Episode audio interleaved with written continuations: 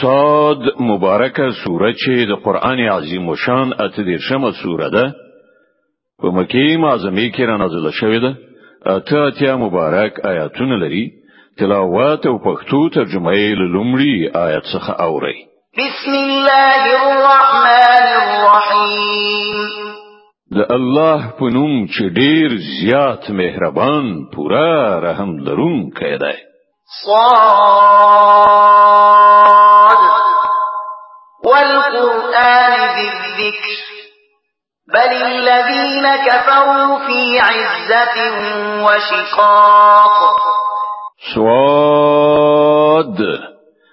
قسم د له نصيحت نه پر ډک قران بلکې همدغه خلک چې له منلو نه انکار کړای دی یعنی کافران په سخت تکبر او سرکشي کې اخته دي كم أهلكنا من قبلهم من قرن فنادوا ولا تحين مناص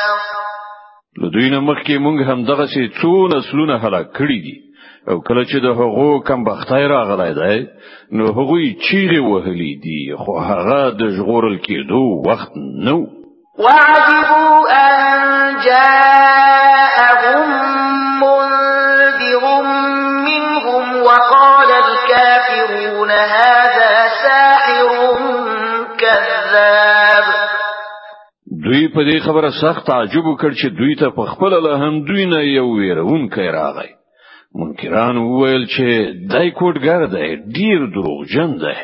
اجعل الالهه الها واحدا ان هذا لشيء عجاب آیا دوی د ټولو خدایانو پر ځای فقط همدا یو خدای وګرځاو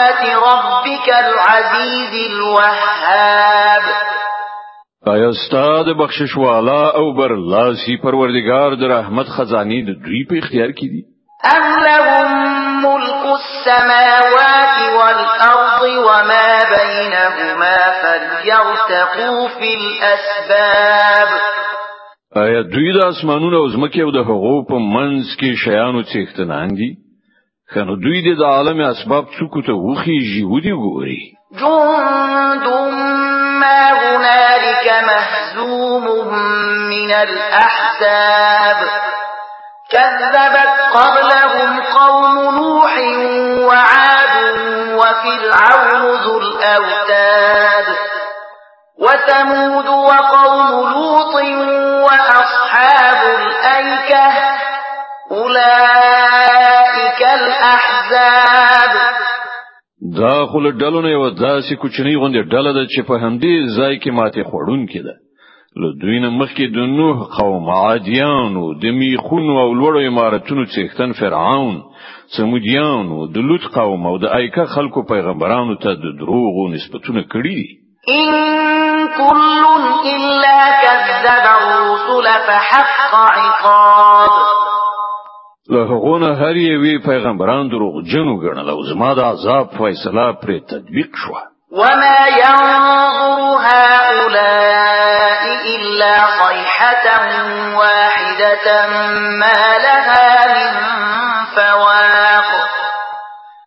دغه خلک یعنی د مکی مشرکان هم فقط دی وی زلزلې انتظار باسي چې له هغه ورسته کومه بل زلزلہ نه وي وقالوا ربنا عجل لنا قطنا قبل يوم الحساب او دوی وایي چې ای زموږ پروردګار د حساب لورځ نه مخکې زموږ برخه مونږ ته په بیړه راکړه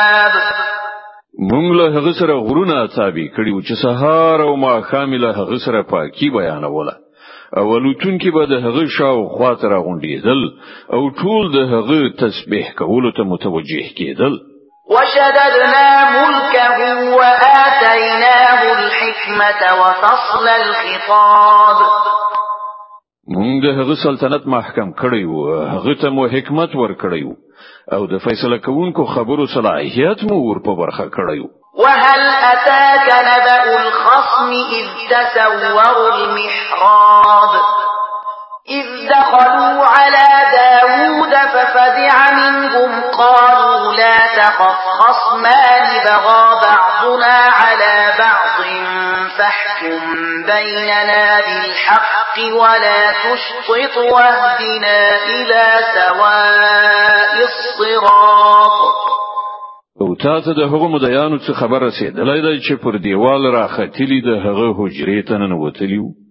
کله چې هغوی داوود ته ورغلل نو داوود د هغو په لیدلو ورخطا په وویلا شو هغوی ویل مو ویریږه موږ د دعوا دوه لور یو چې وی پر بلې تیرای کړای دی ته زمون په منځ کې له حق سره سم فیصله وکړه بې انصافي مکوه او مونږ ته سم لار راوخه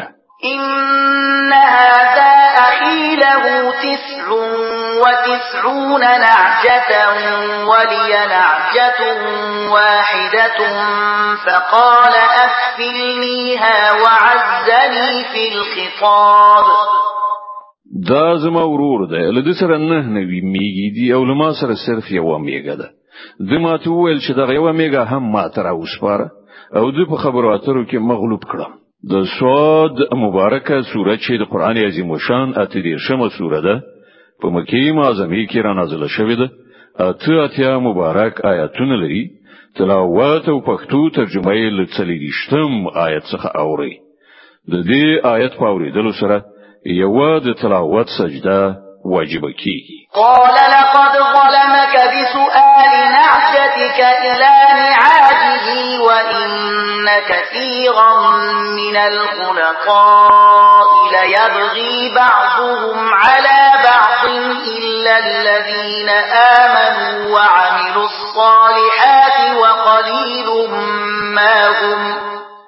وظن داود أنما فتناه فاستغفر ربه وخر راكعا وأناب داود جواب ورکړ دغه سړي له خپل میګو سره ستاد میګي د یو ځای کولو په غوښتنه پر اختیار سره پتا ظلم وکړ واقعیت دا دی چې زیاتره شریکان دي ځینی یو پر بل ظلمونه کوي فقط هغه کسان لدین ژغورل شوی دي چې ایمان لري او ښه عملونه کوي او دغه سي خلک بيخي لګ دي د دغه خبرو په ترڅ کې داوود پوه شو چې دا خو مونږ په اصل کې پر دې ازمخت کړای دی نو هغه خپل پروردګار نه بخنه وغوښتله او په سجده پریوت او رجوع یې وکړه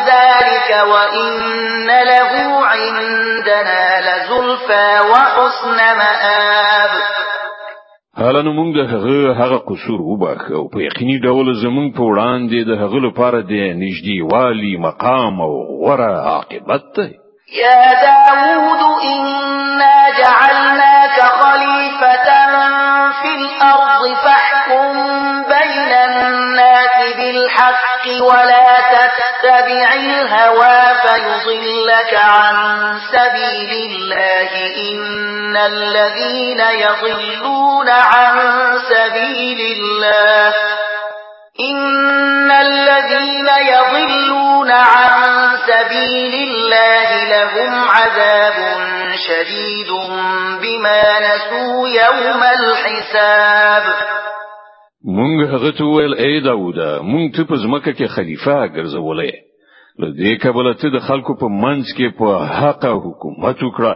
او د نفسي غوښتنې پیروي مکوه چې هغه به تا د الله لاره نه واړوي کوم کسان چې د الله لاره نه بیلاری کیږي په یقیني ډول د هغو لپاره سخت سزا ده چې هغو د حساب ورځ هیر کړه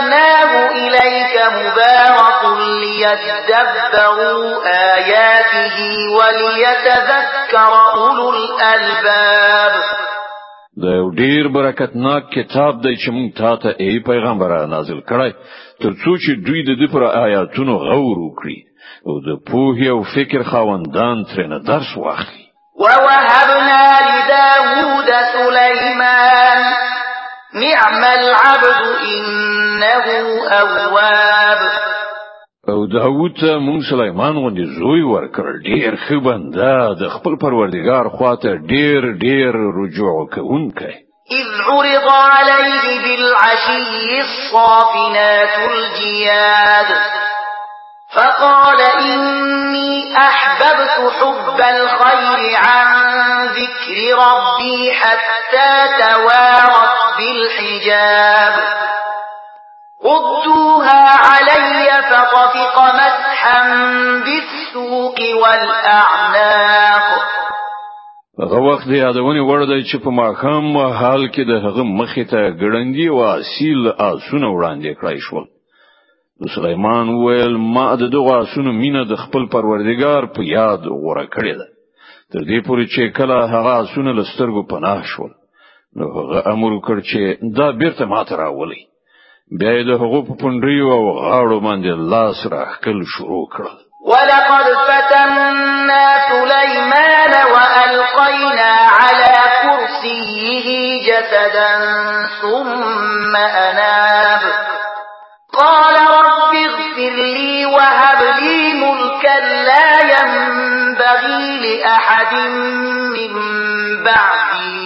انك انت الوهاب او ګوره چې موږ سليمان هم په ازموینه کې واچاو د هغه د کرسي د پاسه مو یو لوی جوسه وغورځوله بیا هغه د خدای دربار ته رجوع وکړه وی ویل چې ای پروردګار ما ته بخنه وکړه او ما ته هغه بچی راکړه چې لمانه ورسته د هیڅ چا لپاره وړ نه وي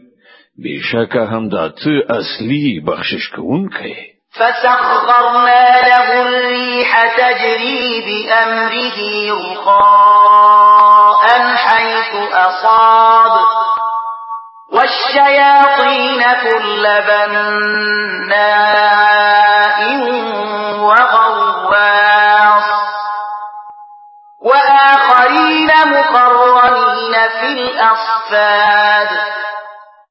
حالونه مونږ هغه ته باد رام کړ چې د هغه په امر به په نرمۍ سره لګي دوی چیرته چې هغه غوښتل او شیطانان مو رام کړل دا هر ډول ودانیو جوړونکي او له لوی بهرونو څخه د جواهرو دراويستلو لپاره غټوهونکي او نور چې په زنجیرونو تړل شوی وو هم رام کړل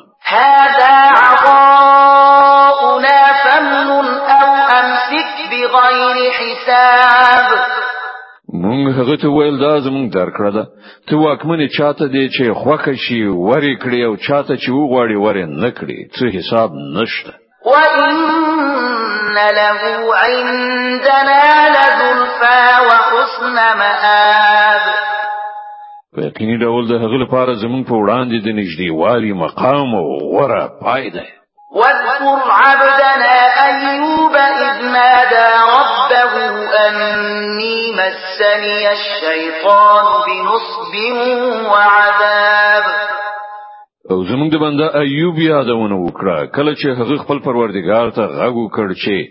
شیطان زه په سخت تکلیف او عذاب کې اچولی اركض برجلك هذا مغتسل بارد وشراب مونږ هغه ته امر وکړ خپل پکې پر زمکه وه دا دی یخي اوبو د لمبلو لپاره او د څښلو لپاره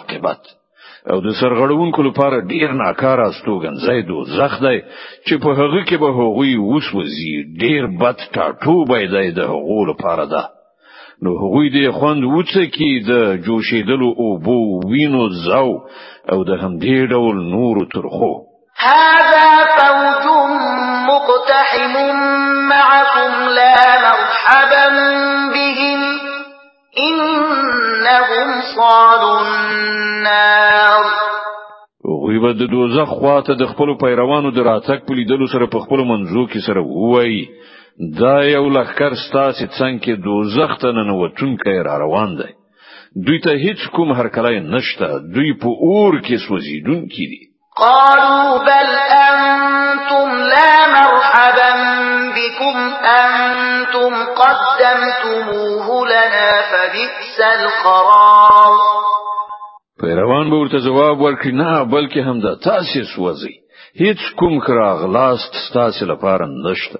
همدا تاسو دغه برخلیک زموږ مخې ته راوسته دی څومره بد ده دغه هستوګن ځای قالوا ربنا من قدم لنا هذا فزده عذابا ضعفا في النار